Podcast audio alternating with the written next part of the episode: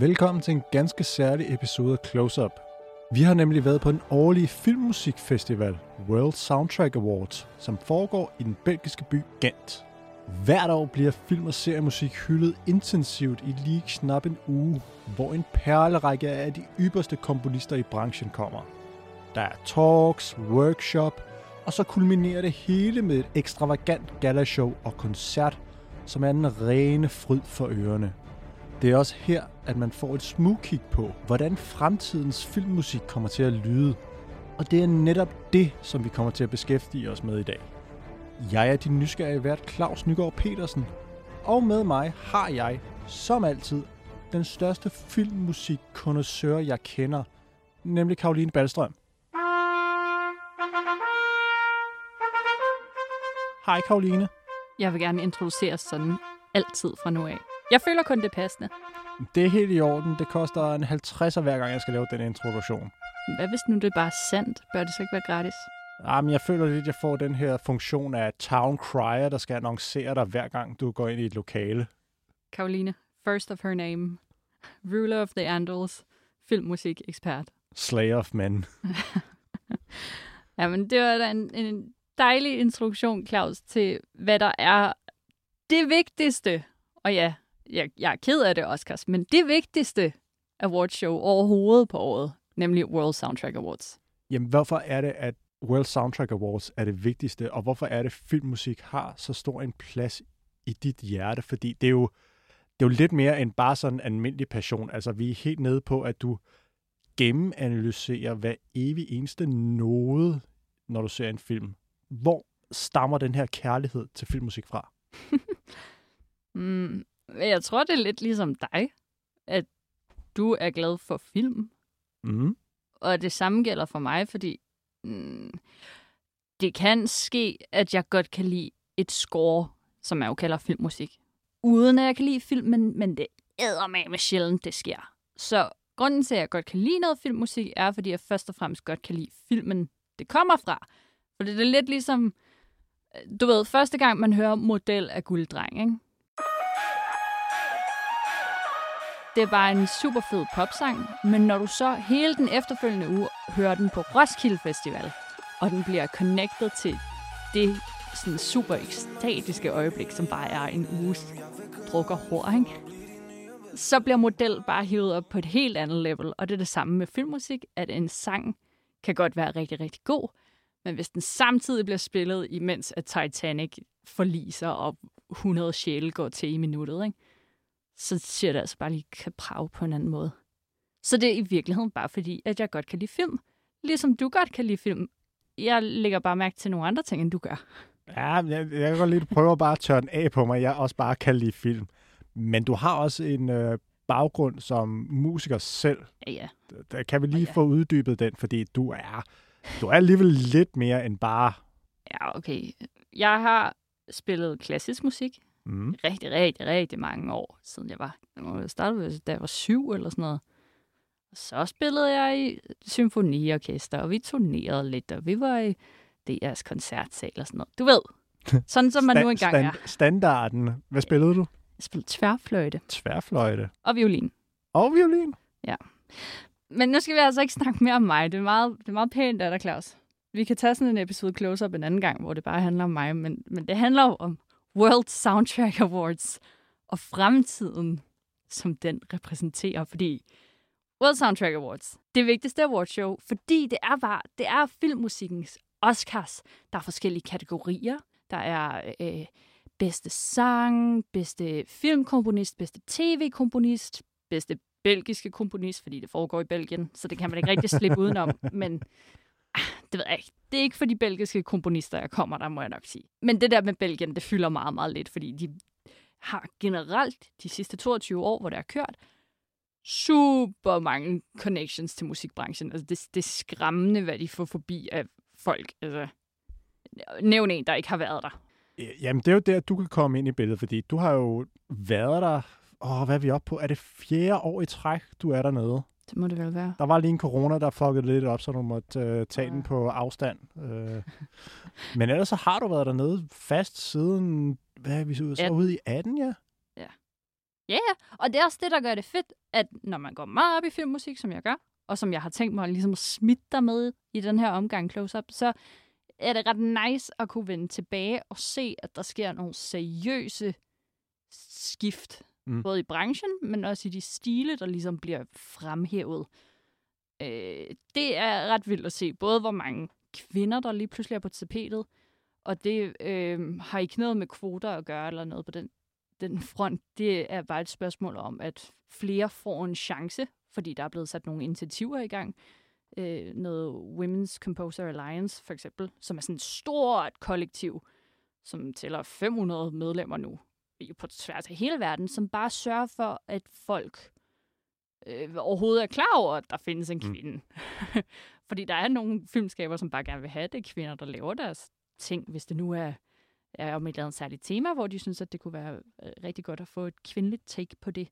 Fordi ofte med, med filmkomponister, ikke? hvis du kigger på sådan top 100 over mm. bedst indtjenende filmkomponister, så tre af dem kvinder, og en af dem er Lady Gaga, fordi hun har lavet øh, øh, noget musik. Ja, præcis. Ikke? Så sådan, det er ikke ligefrem... Øh, altså, det lover ikke så godt, vel? Og vi har tre kvinder i historien, som har vundet en Oscar for filmmusik, så sådan, det er heller ikke så godt. Men det er virkelig bare et spørgsmål om, at, at folk, når man laver film, det er en ret sårbar proces, og du vil gerne hyre nogen, du stoler på. Mm. Og hvis du har gået i skole, på en filmskole, med, med en masse gutter, og en af dem er din rigtig gode ven, så skal du da selvfølgelig lave en film med ham. Øh, og fordi det, de her filminstruktører bare ikke kender så mange kvinder, så vælger de ikke dem, når de skal til at lave noget rigtig sårbart, som er filmkunst. Så sådan, det er fair nok, men nu kender de til flere kvinder, så nu kommer der flere kvinder. Og det var eksploderet på det sidste. Mm. Jeg føler, det er en pointe, vi kommer til at vende tilbage til senere Ej. hen.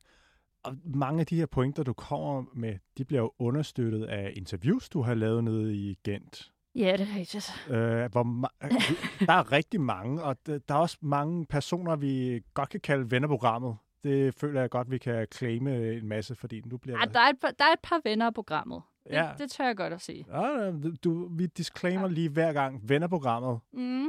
Det synes jeg godt, vi kan tillade os at gøre. Ja. Men øh, før vi når helt frem til, hvad fremtiden er, og hvad konklusionen på, hvad fremtiden er for noget, så vil jeg godt lige have øh, nogle hurtige sportsresultater fra dette års øh, uddeling. Ja, okay. Karoline, oplys mig om de vigtigste vindere. Ja, okay. Øh, altså, jeg kommer nok ikke udenom Film Composer of the Year. Og det er sådan en ret fed størrelse, fordi World Soundtrack Awards anerkender ligesom, at de her filmkomponister, modsat en filmskaber, som måske kan nå at få lavet en enkelt film om året, det er jo for vildt, hvis du er filminstruktør, og du leverer en film om året. Men en komponist kan, ja, det ved jeg ikke, lave tre, fire værker, hvis de er sindssyge. Mm. Så World Soundtrack Awards kigger på filmkomponist for året. Mm. Øh, og jo, så vandt Johnny Greenwood. Mm. Fair nok. Han Hvem er, Johnny Greenwood? han er uh, There Will Be Blood, The Master, Phantom Thread. Uh, tough guy, ikke? Men også bandmusiker derovre, ikke? Ja, fra hvilket band? Radiohead. Men i år har han lavet musik til Power of the Dog, Mm. som jeg godt lige vil spille dig lidt klip fra. Men også til Spencer, du ved, uh, Kirsten Stewart, uh, Diana, drama, Mm. ikke? Ja. Uh, så det er to film, som er store, Mm.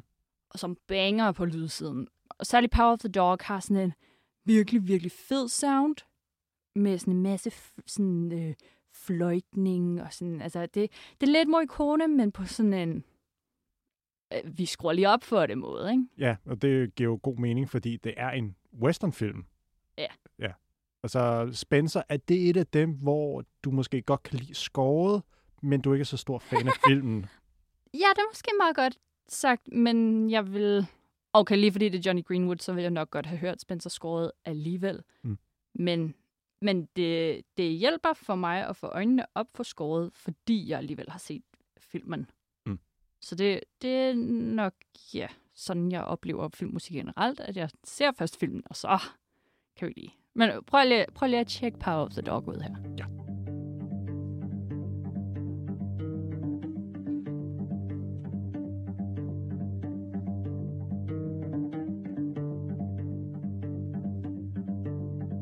Uh, Kan du lide det? det er manna for ørekanalerne. det er det er så simpelt. Det er meget sådan pling, pling, pling, Mm. pling, pling, pling, pling. Men der er alligevel meget historie i den måde, lyden kommer imod en. Mm.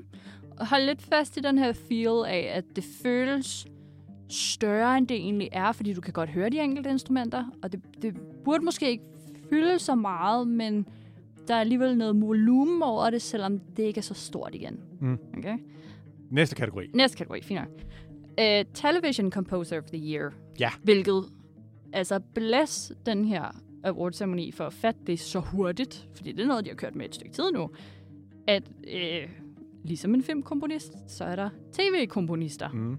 Og det er sådan rimelig fuck blandet efterhånden, men øh, det, det er bare for nice, at man prøver at skelne lidt imellem de to kategorier. Man kunne måske godt efterhånden smide det sammen og bare sige Composer of the Year, men ja. Men hvis man gjorde det, så kunne Nicholas Britell jo ikke vinde for Succession, som du godt kender. Den lyder sådan her, Claus.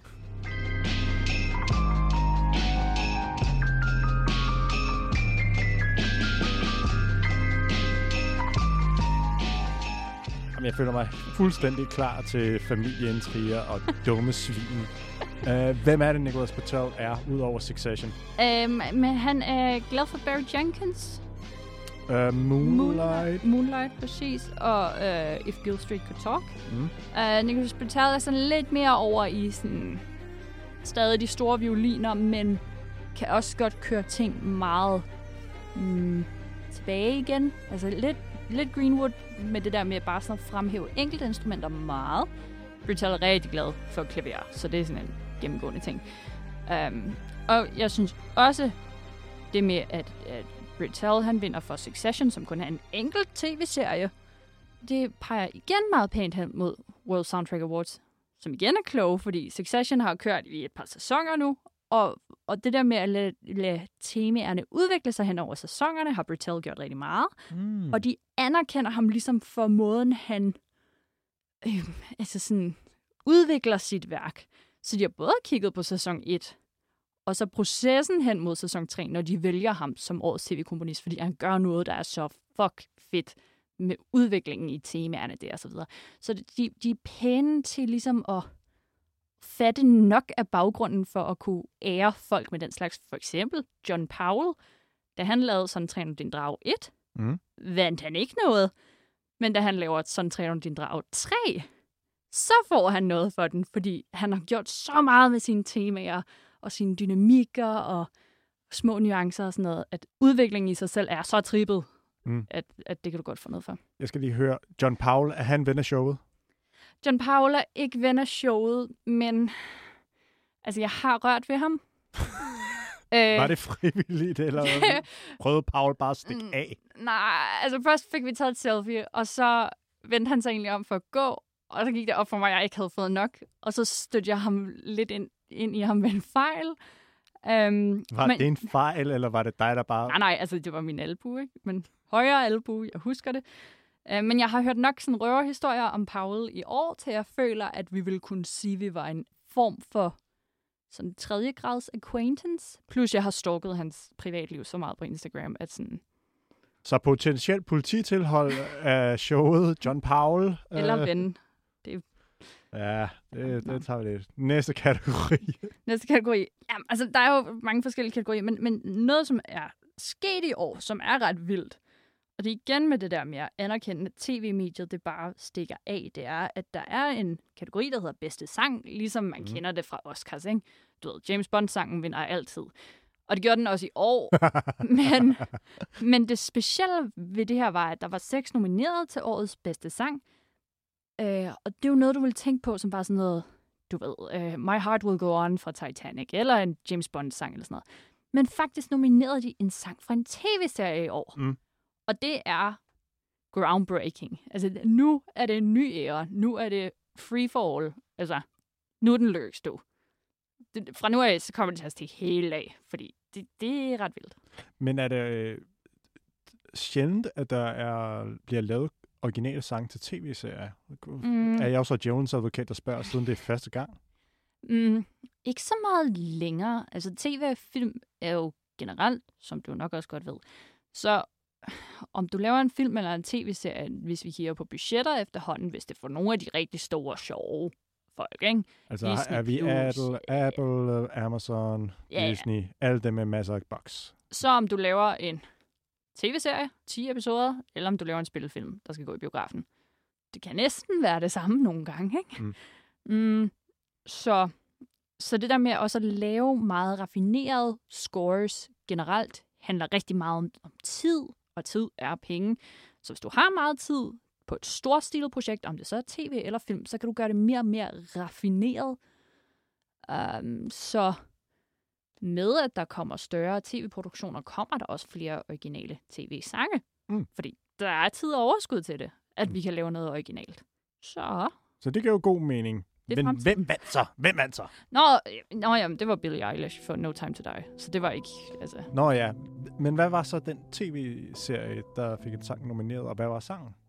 det var Strange Game fra Slow Horses. Har du set den? Apple TV Plus serie om øh, britiske spioner. Fornemmer vi storstilet med lidt penge på bunden af kisten der. Ah, Ja. Jeg føler interessant nicheprojekt, der måske øh, rammer en tone, som nok lige passer, og Apple, øh, ja, de har jo Mac-penge i ryggen, så Så man kan godt få Mick Jagger til lige at lave mm. den Mhm. sang.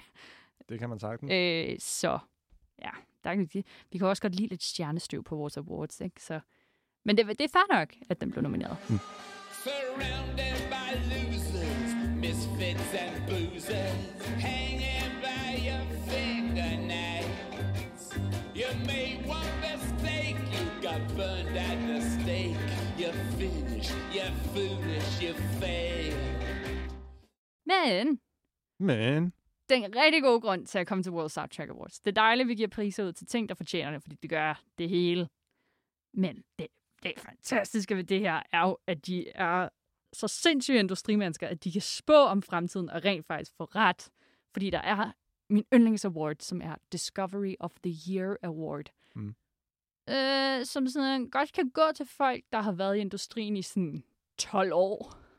Ligesom altså sådan, de fleste af de her folk, men er det slags, en slags gennembrud? ja, ikke gennembruds-award, men også som sådan en, Hold øje med fremtiden. ja, og sådan lidt sorry, at du ikke rigtig har fået din credit endnu, fordi du fortjener det, eller sådan, vi tør så meget sats på dig, at sådan, du bliver lukket ind i, i kredsen af sådan, du ved, Nicholas Bertel fra Succession for eksempel, eller Michael Abels, ven af programmet, Ja, ja, ja. ja, ja. øh, som er Jordan Peels faste komponist. Eller øh, Craig Armstrong, som laver alt Bas Lermans musik. Du ved, Romeo og Julia, Moulin Rouge. Storladen der helvedes til. Ja, ja.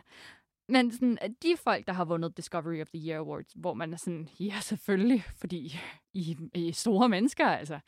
Så folk, der bliver nomineret til Discovery of the Year Award, er i forvejen nogen, hvor man bare lige bør være sådan, hey, hov, hov, Mm. hvad skete der lige der?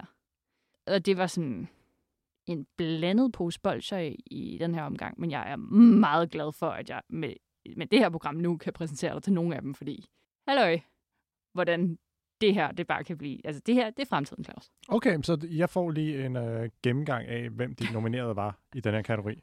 Der var svenske Karl Frit, Uh. og nu må du lige holde din sådan, skandinaviske, øh, han skal vinde, fordi han er nabo. Ah, men han er svensker, så han skulle helst ikke vinde. Nej, okay. Han lavede nok noget af det vildeste fra i år på ret lille budget. Øh, men han har gode kontakter i Sverige, så derfor kunne han gøre det. Han lavede et mix af opera og trap. Mhm. Altså- Det, det er storladent og alligevel meget øh, street. Meget grounded, ja. Det var til Pleasure. Kan du huske den? Den der, øh, jeg skulle til at sige pornofilm, men den her film om en pige, der tager til USA for at blive rig og stor pornostjerne. det var bare ret smart, hvad han gjorde der, fordi han, han arbejdede meget med sådan nogle Madonna og horn billeder. Øh, så ved at have, have opera, som er sådan meget fint og ophøjet, og en fin sopran, der sang deroppe, og så have det her trap, som var dirty og gritty, og ja, ved at mixe de to ting sammen, så får man bare den der pleasure-film, som er de her meget unge, lidt uskyldige piger, eller sådan, de har ikke, de har ikke lavet mange fejl endnu i hvert fald, så på den måde er de stadig uskyldige, de har ikke, de har ikke gjort noget galt endnu. Men på den anden side bevæger de sig i det her miljø, som er pornoindustrien, som jo er meget dirty. Så det er jo sådan en ret genial balance, ikke?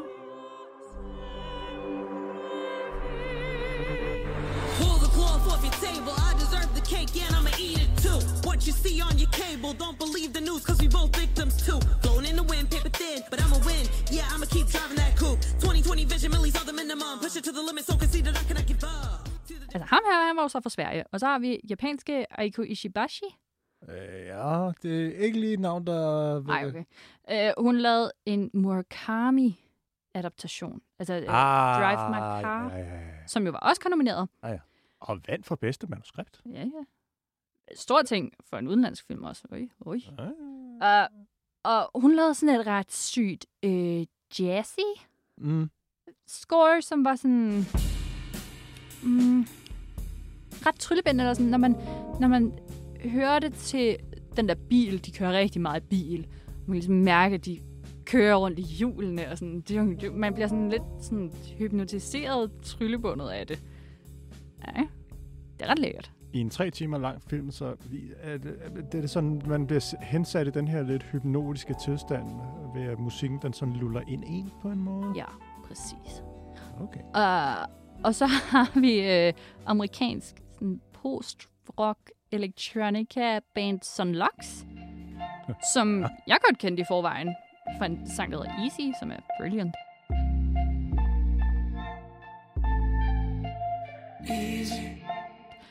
Og de lavede en f- musik til Everything Everywhere All at Once, som jo er batshit crazy multivers. Øh, Jamie Lee Curtis er en ond øh, accountant, og den her asiatiske familie, som lige pludselig skal afgøre universets skæbne med deres interne relationer og sådan noget. What?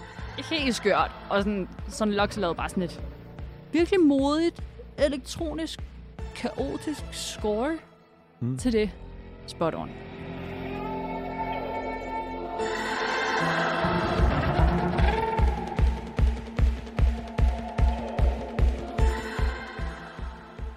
Og så til sidst, britiske Isabel Waller-Bridge. Lyder lidt bekendt af en eller anden grund. Phoebe Waller-Bridge.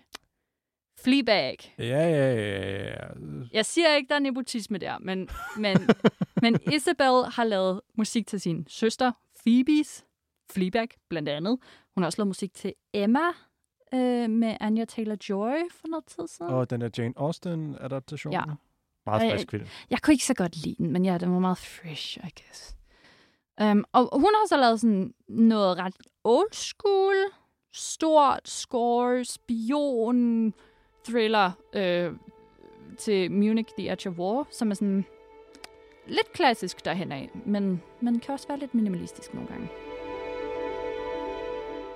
Og kan vi så lige give et shout-out til Isabel Waller-Bridge her, for den her måde, hun bruger stryger på i krigsfilmen, er ret fint. Stryger kan lave sådan nogle glidende overgange, som man kalder legato. Og Isabel bruger de her glidende toner, så de lyder ligesom air raids, altså sirener. I love it. Hvem vandt? Ja, det gjorde øh, Iko Ishibashi, og det var fint nok. Men Øhm, jeg kan fornemme, der er et men i de der ja, det var bare. Drive My Car var måske ikke lige, det var ikke lige mig. Og, sådan, og ham der, Carl Fried med Pleasure og hans opera Trapping. Uh, Kan vi lige få en lille øh, sejrsmusik fra Aiko Ishibashi? det kan vi godt. Det var meget godt gået at sige hendes navn der, Claus. Det vil jeg godt give dig.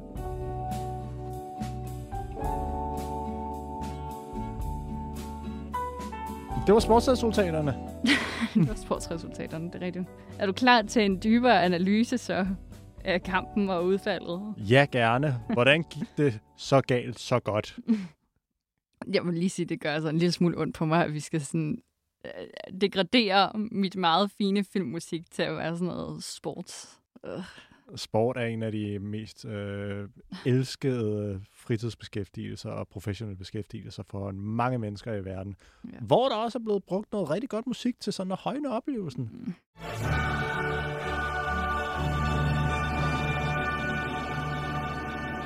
Kan du komme på en VM-slutrunde uden en ordentlig slagsang? Jeg spørger bare gulddreng. øhm, Øhm, Jeg har lyst til at blive i det her Discovery of the Year Award for resten af den her episode, fordi jeg føler, at du har brug for at vide, hvor ting er på vej hen. Fordi alle er jo rimelig godt klar over, at sådan, de første 70 år af filmhistorien, ikke? Mm. fra at vi begynder at få lyd på film, sådan rigtigt, så øh, hersker der virkelig meget en tendens til, at vi har at gøre med selvfølgelig klassisk symfoniorkester, så kan man også godt have andre øh, vestlige lyde indover. Det kan være øh, guitar, eller en harmonika, mundharmonika, øh, you name it, ikke? Men, men, men vi er så ligesom altid udgangspunkt i symfoniorkestret og de store temaer, mm. som man kører med sådan helt tilbage i 1930'erne. En gut, der hedder Max Steiner, som laver noget King Kong-musik, der er super sweet. Hvor der ligesom er et stort tema, som connecter til King Kong og de ting, han laver og sådan noget. Ikke? Man begynder at bruge musikken til at kommentere på billederne og ligesom uddybe handlingen, så du virkelig kan mærke det.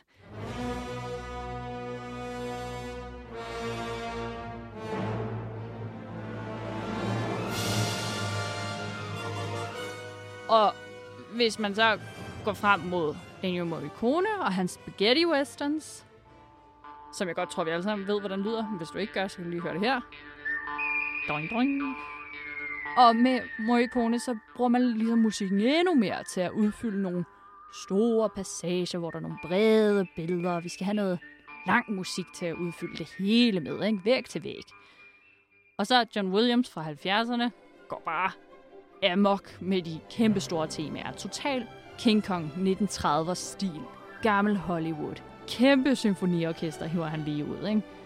Og John Williams laver selvfølgelig øh, ting som Star Wars eller E.T., og vi kan virkelig høre de her svingende violiner og store trompeter, ikke? Altså, det er virkelig, du skal virkelig ikke være i tvivl om, hvad du skal føle, og hvornår du skal føle det. Det er storladen, der det kommer imod mig med Indiana Jones hastighed, der løber fra en øh, rullende sten. Præcis. Præcis sådan. Øh, og hvis du lige hører E.T. her, så tror jeg, vi godt ved, hvad vi snakker om.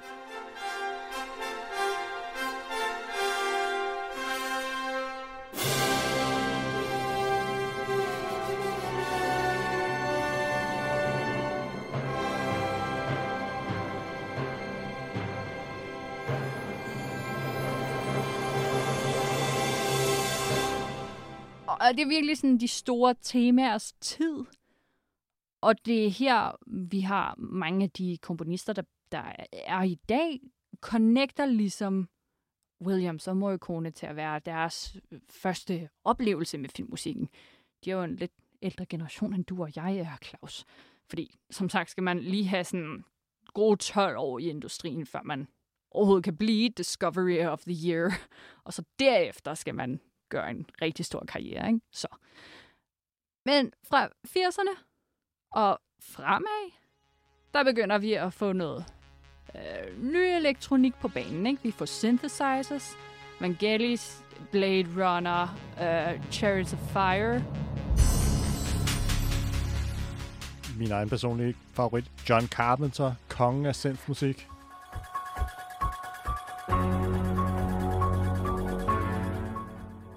Ja, ja. Men Vangelis dog.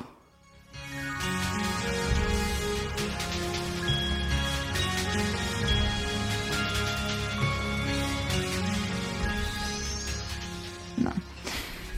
Og, og her begynder vi så på det der med, at, at nu kan en enkelt person egentlig godt stå for det hele selv. Hvilket er ret vildt. Og det er der så nogen, der vælger at blive, og nogen, der vælger at gå videre fra. Men, men det er så ligesom de to ting, man har indtil videre, at enten så kan du køre synthvejen elektronisk, eller også så kan du beholde dit store symfoniorkester. Ikke? Mm. Og så i 2010'erne sker der noget lidt mærkeligt, fordi vi har fået computere på banen, og man er begyndt at kunne have store sådan, musikbiblioteker på computeren, som man som komponist kan trække på, og lidt der bliver det det der med, at du kan egentlig klare det selv på en måde. Det er der mange, der ikke vælger at gøre, men du kunne godt.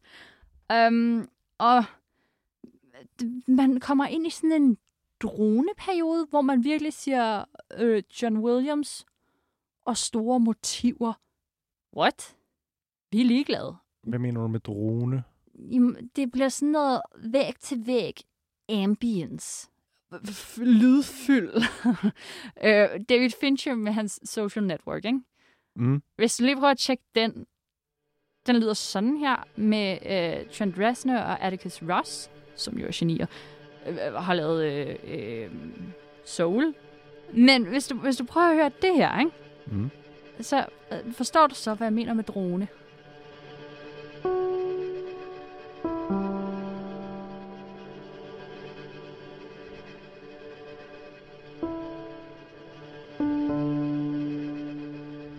Vi har rigtig lange sekvenser, hvor der ikke sker synderligt meget. Så får du sådan en lille pling-pling en gang imellem for at gøre den en smule melodisk. Men ellers er det faktisk bare sådan noget rumle-rumle, hvid støj. Okay.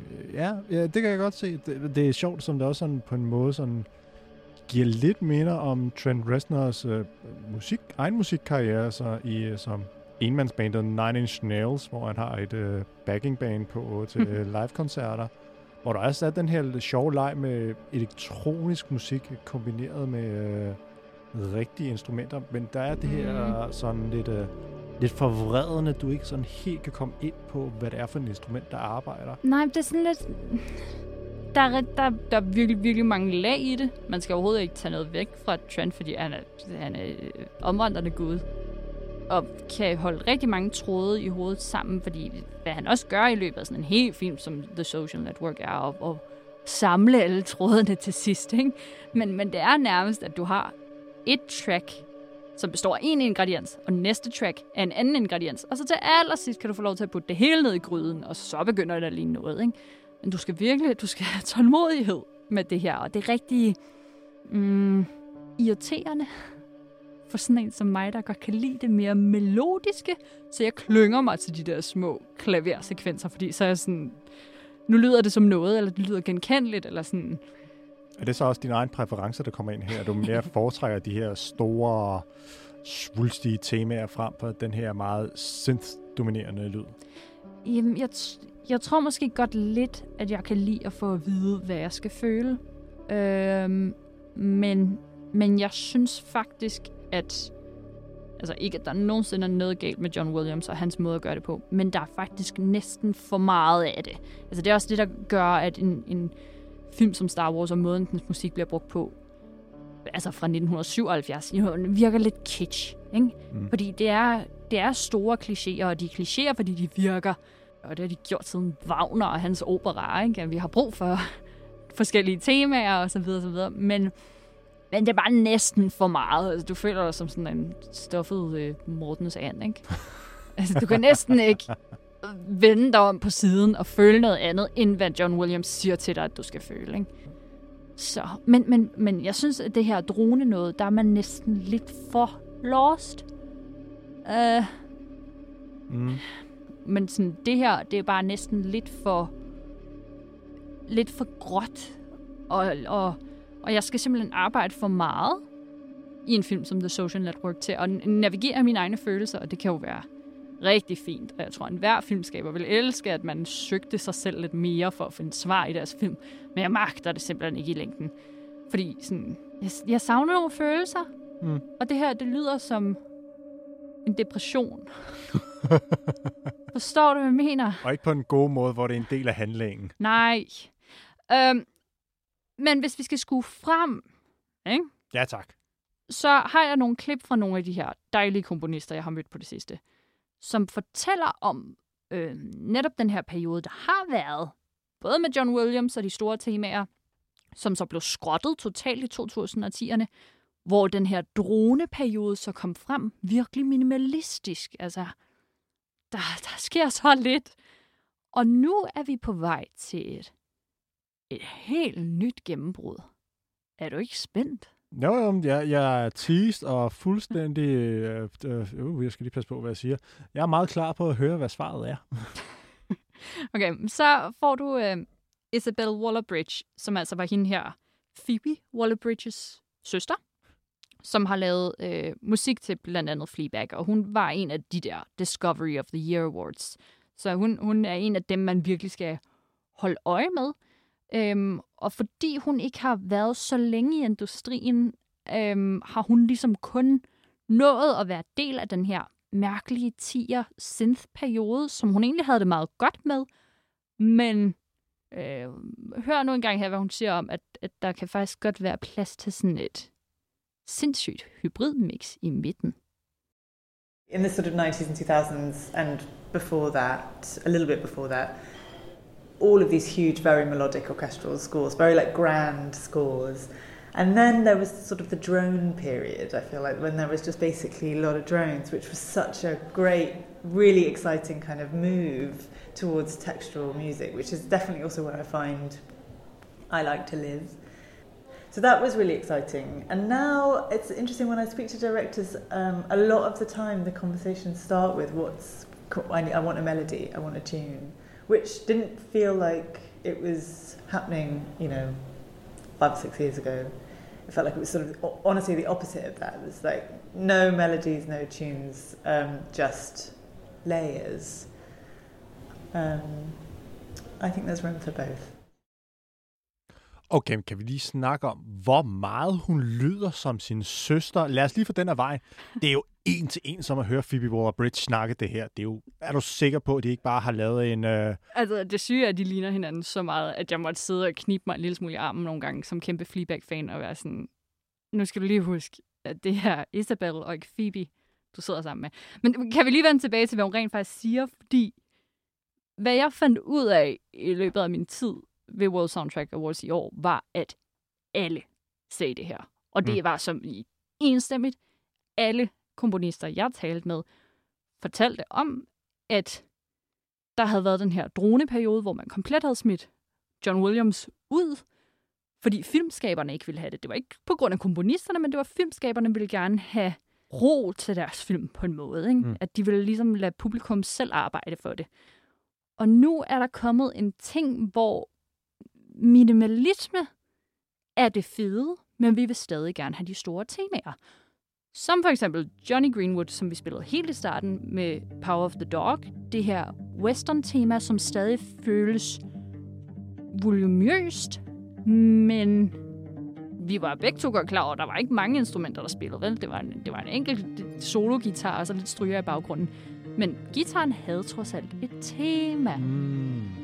Og, og, og, og lige sådan med det der Drive My Car, jazzy noget der. Øh, der var ikke mange instrumenter i gang, men det, der var fylde i det, og der var et tema. Så lige nu er der plads til, til begge dele. Men man skal tænke det på en lidt anden måde, hvor vi både godt kan lide minimalisme og eftertænksomheden fra de sidste 10 år, men samtidig godt kan mærke, at vi savner nogle af de flere store fortæl mig, hvad jeg skal føle, John Williams følelser.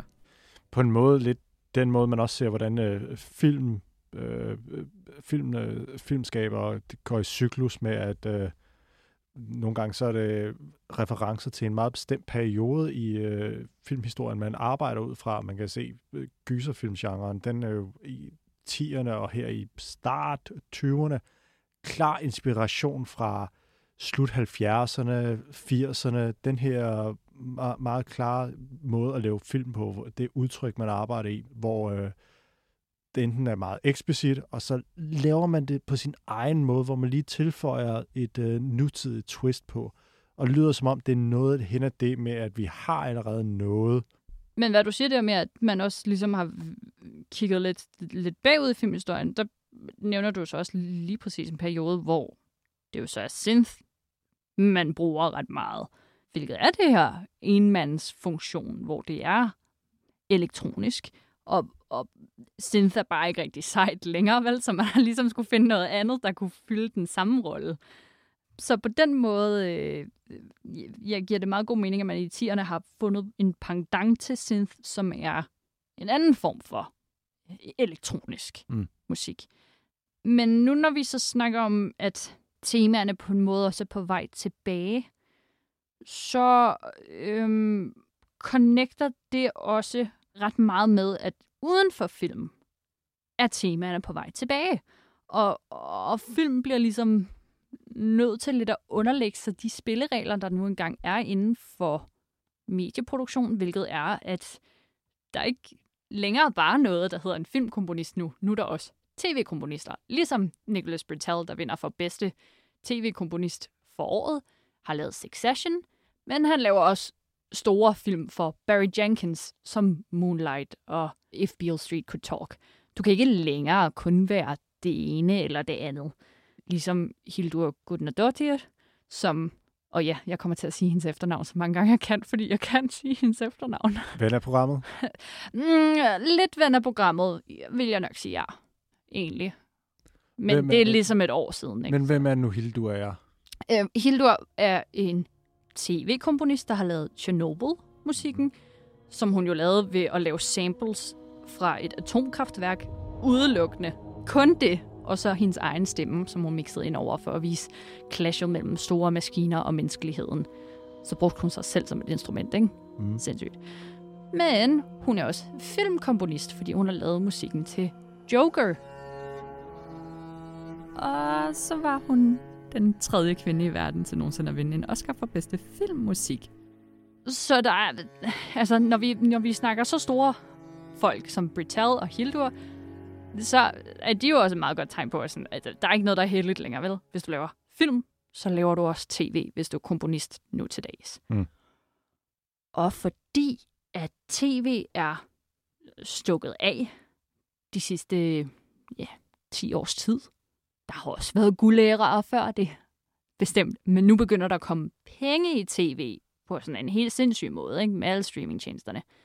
Altså bare se på Amazon, der tyrer knap 2 milliarder efter deres Ringnes Herre-serie. Præcis. Og jeg ved ikke, om vi kan tælle, hvor mange streamingtjenester vi hver især ligesom ejer, men jeg er i hvert fald op på fem stykker. Ikke? Så for at du som tv-serie skiller dig ud, så bliver du nødt til at have en klar identitet, fordi det, det er et spørgsmål om overlevelse, det her. Ikke? Alle kæmper for, at du klikker ind på lige netop din tv-serie. Og der er musik en ret god måde at få en ret tydelig identitet på. Bare se med Succession, som jo har det her bangeren tema, eller Game of Thrones for den sags skyld, som virkelig gør noget ud af deres musik. Ikke? så selvom at filmen i 10'erne måske har prøvet at trække tilbage, så har tv-serierne gået i den helt modsatte retning, hvor de bare har været sådan, komme med alle de temaer, vi kan, vi vil stikke ud. Og det er derfor, at vi nu i dag står i det her skønne mix af, at vi har stor volumen og temaer, men gjort på en lille måde. Fordi vi, vi vil ikke have de store symfoniorkestre længere, men vi vil stadig gerne have det til at lyde stort og lækkert. Det er meget interessant. Øh, Jeg har en, der siger det. Du har simpelthen en, der siger det. Hvem er det, der siger det her? Det er en kvinde, der hedder Nagnita Desai, som er nok blandt de- de kvinder, der, der har klaret sig bedst inden for filmmusik, før end at der kom gode initiativer på banen, såsom at connecte kvinder mere til filminstruktører og overhovedet introducere dem for hinanden, så de kunne stole på hinanden. Men Nanita øh, har ligesom klaret den ud over det, øh, fordi hun bare har navigeret helt vildt godt i de her skift, der har været fra store temaer til ingen temaer, til et par temaer, som vi er i nu. Og hun fortæller om det her med, at tv har udviklet sig, og derfor har filmkomponisten udviklet sig, øh, og, og dermed også smittet af på filmmusikken, selvfølgelig, fordi det er jo en og samme person. It's very difficult to be original musically because so much has been done before, and there's so much archive recordings and content and all of that. And yet there is still, I'm still surprised at you know with originality coming on uh, out. And I think there's, I mean, over the last ten years, I've noticed uh, a trend for, you know, people say, you know, people direct filmmakers don't want melodies anymore. And I think there's a shift away from that again. I think people want thematic scores.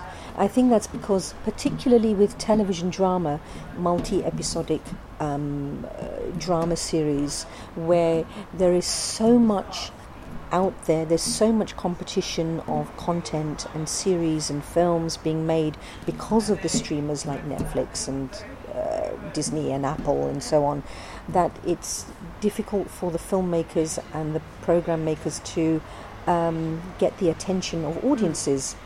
And so, how do you do that? How do you make your show stand out uh, and be distinctive? Music is one of those devices. And so, people want, I've noticed great scores where um, filmmakers want their shows to stand out musically. Giver det mening?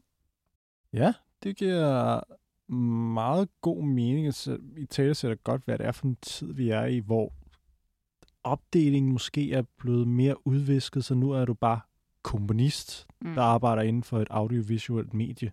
Ja, ja, præcis. Du kan ikke bare være tv-komponist længere, og man kan jo også se, at en person som John Williams, som man jo troede var urørlig og virkelig var en filmperson, han har også gået ud og lavet øh, Obi-Wan Kenobi, altså tv-serien på Disney+, Plus, musikken.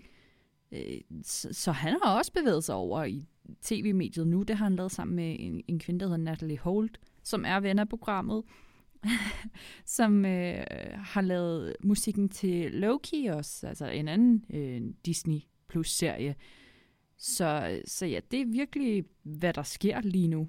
Men det er så tiden, vi er i. Hvem er de folk, som øh, er toneangivende i øjeblikket, Hvem- og hvem skal vi holde øje med? Jamen, ja. Altså, selvfølgelig alle på den der Discovery of the Year-liste øh, er relevant lige at gå ind og tjekke efter ind på World Soundtrack Awards website. Men, men en, jeg virkelig synes gør det der med at, at blande øh, de, de små temaer, uden at gøre det sådan øh, John Williams-agtigt. Øh, nu, nu skal det bare altså, smadres ned over dig præcis, hvad du skal føle. Det synes jeg er sådan nogen, der giver folk som Carl Frid, der laver Pleasure, som altså, gør noget, noget vildt med at, at tage mm, større følelser ind i det. Altså det her med, med dynamikken mellem, øh, om du er en hore eller en madonna, for eksempel, ved at, at blande forskellige genrer.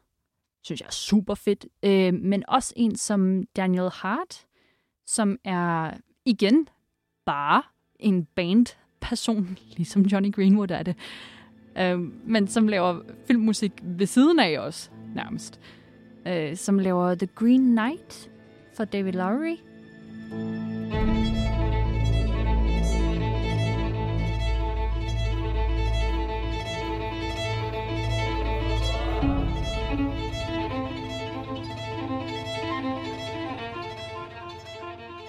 Han gør til perfektion det her med at keep it simple, men stadig køre store temaer. Og Green Knight-musikken var insane. Fordi den, den er netop med mange lag, mm. som om det var i tierne. Øhm, men samtidig er der temaer, som skærer igennem det hele, og det er bare froderen. Men han gør også netop det med at gøre sig selv speciel, sådan som Nagnita Desai nævner her til sidst, med at som om det var en tv-serie, så skal du have en meget klar sonisk identitet. Og det kan du gøre ved at finde et mærkeligt instrument, øh, og lade det spille super meget solo. Og det er ligesom sådan lifehacket. Du skal finde noget, der lyder mærkeligt. Mm. Og Daniel Hart er bare ret god til at bruge stemmer, fordi han selv også er sanger som udgangspunkt, når han laver sin bandmusik. Så han forstår bare stemmer helt vildt godt. Øh, og det er ligesom måden, han gør sig selv quirky og weird på. Ligesom at pleasure-musikken er quirky og weird, fordi den blander trap og opera. Eller Hildurs musik er weird, fordi hun bruger et atomkraftværk til at spille på det. Mm. Men er det så noget, man kan se som en tendens, at vi går hen imod the weird? Ja, helt klart. Men også fordi jo, grænserne er uendelige nu, ikke? fordi alle har teknologi. Du kan nå folk i alle verdenshjørner nu og få dem flået til LA, hvor I lige kan indspille noget, eller Prag, eller noget i den stil. Så det er så nemt at få fat i en eller anden didgeridoo-spiller, som du lige skal bruge i 30 sekunder, fordi internettet gør det muligt nu. Symptom på iPhonen og the social network Facebook-tiden, ikke? At nu kan vi nå alle. Og det er også det, der kommer til at shape musikken, at, at der er bare ikke rigtig nogen grænser længere. og det er en rigtig, rigtig nice tid at være i. Spændende, spændende. Du må godt lyde oprigtigt interesseret. Det er her jeg, men jeg, er jo men jeg, for vildt. Det er jo jeg- for vildt. Jeg, vil- jeg vil høre sådan Karoline lægge hovedet på blokken og spå om fremtiden. Ja. Hvad kommer der til at ske? så er The Future bare female. Egentlig. og det er, ikke, det er ikke ment på den måde, at, at, sådan, at, at, nu kommer det bare til at vælte ud med kvinder, men det kommer til at blive mere 50-50, og det kommer til at være det, folk sådan stusser over. Nej, hvor er det vildt. Hvor kommer alle de her kvindelige komponister lige pludselig fra? De har været der hele tiden. De har bare ikke haft de store projekter. Der er, der er sindssygt mange kvinder, der laver filmmusik. Der er bare ikke nogen, der er på de der top 10 grossing øh, kæmpe film, og derfor kender man dem ikke. Færre nok. Altså, det, det, det er helt i orden, at man ikke kan nævne så mange kvindelige komponister endnu, fordi man er ikke blevet præsenteret for dem. Så hvordan skulle man kunne huske dem, ligesom at mandlige filminstruktører ikke er blevet præsenteret for dem endnu, så hvorfor skulle de bruge dem, når de derimod kender en komponist, som de rigtig godt kan lide? Så skal de da bruge dem. Det, det, det er sådan klandrer jeg dem da ikke for. så det er bare et spørgsmål om at kende folk. Og det kommer til at stikke af fra nu af. Fordi der er den der Women's Alliance Composers, som, som spreder ordet på sådan en rekordfart måde. Så fra nu af kommer det bare til at være øh, ikke 50-50, men sådan talentet taler for sig selv. Kommer det til at have indflydelse på, hvilken musik vi kommer til at høre? Nej, det tror jeg ikke. Fordi for eksempel, som den her sang fra øh, Loki, eller hele Loki-musikken, som jeg har tænkt os, at vi skal køre ud på i dag, fordi den er fra en kvindelig filmkomponist, så sådan, tror jeg bare ikke rigtigt, at man kan... Altså sådan, du skal virkelig stene noget musikteori, så for at kunne høre, hvad en feminin tone er, eller sådan en komposition. Øh, altså, øh, også tage gamle øh, klassiske komponister, så kan du ikke høre, om det er Wolfgang, eller om det er Maria og Anna, eller om der laver musik. Eller sådan, du kan jo ikke selv skille imellem det som normalt menneske. Så sådan, Kan du? mm, nej, lidt måske, men normale mennesker har jo ikke en chance for at vide, hvem det er, der har sk- skrevet noget. så så det, jeg tror ikke, det kommer til at gøre en forskel. Fordi, altså, jeg ved ikke med dig, men jeg kan altså ikke høre det her low-key-musik, jeg er skrevet af en, af en blød kvinde eller noget af den stil. Jeg synes, det lyder aggressivt, sindssygt og insane og meget specifikt. Det har virkelig en sound, som tv-musik bør have det.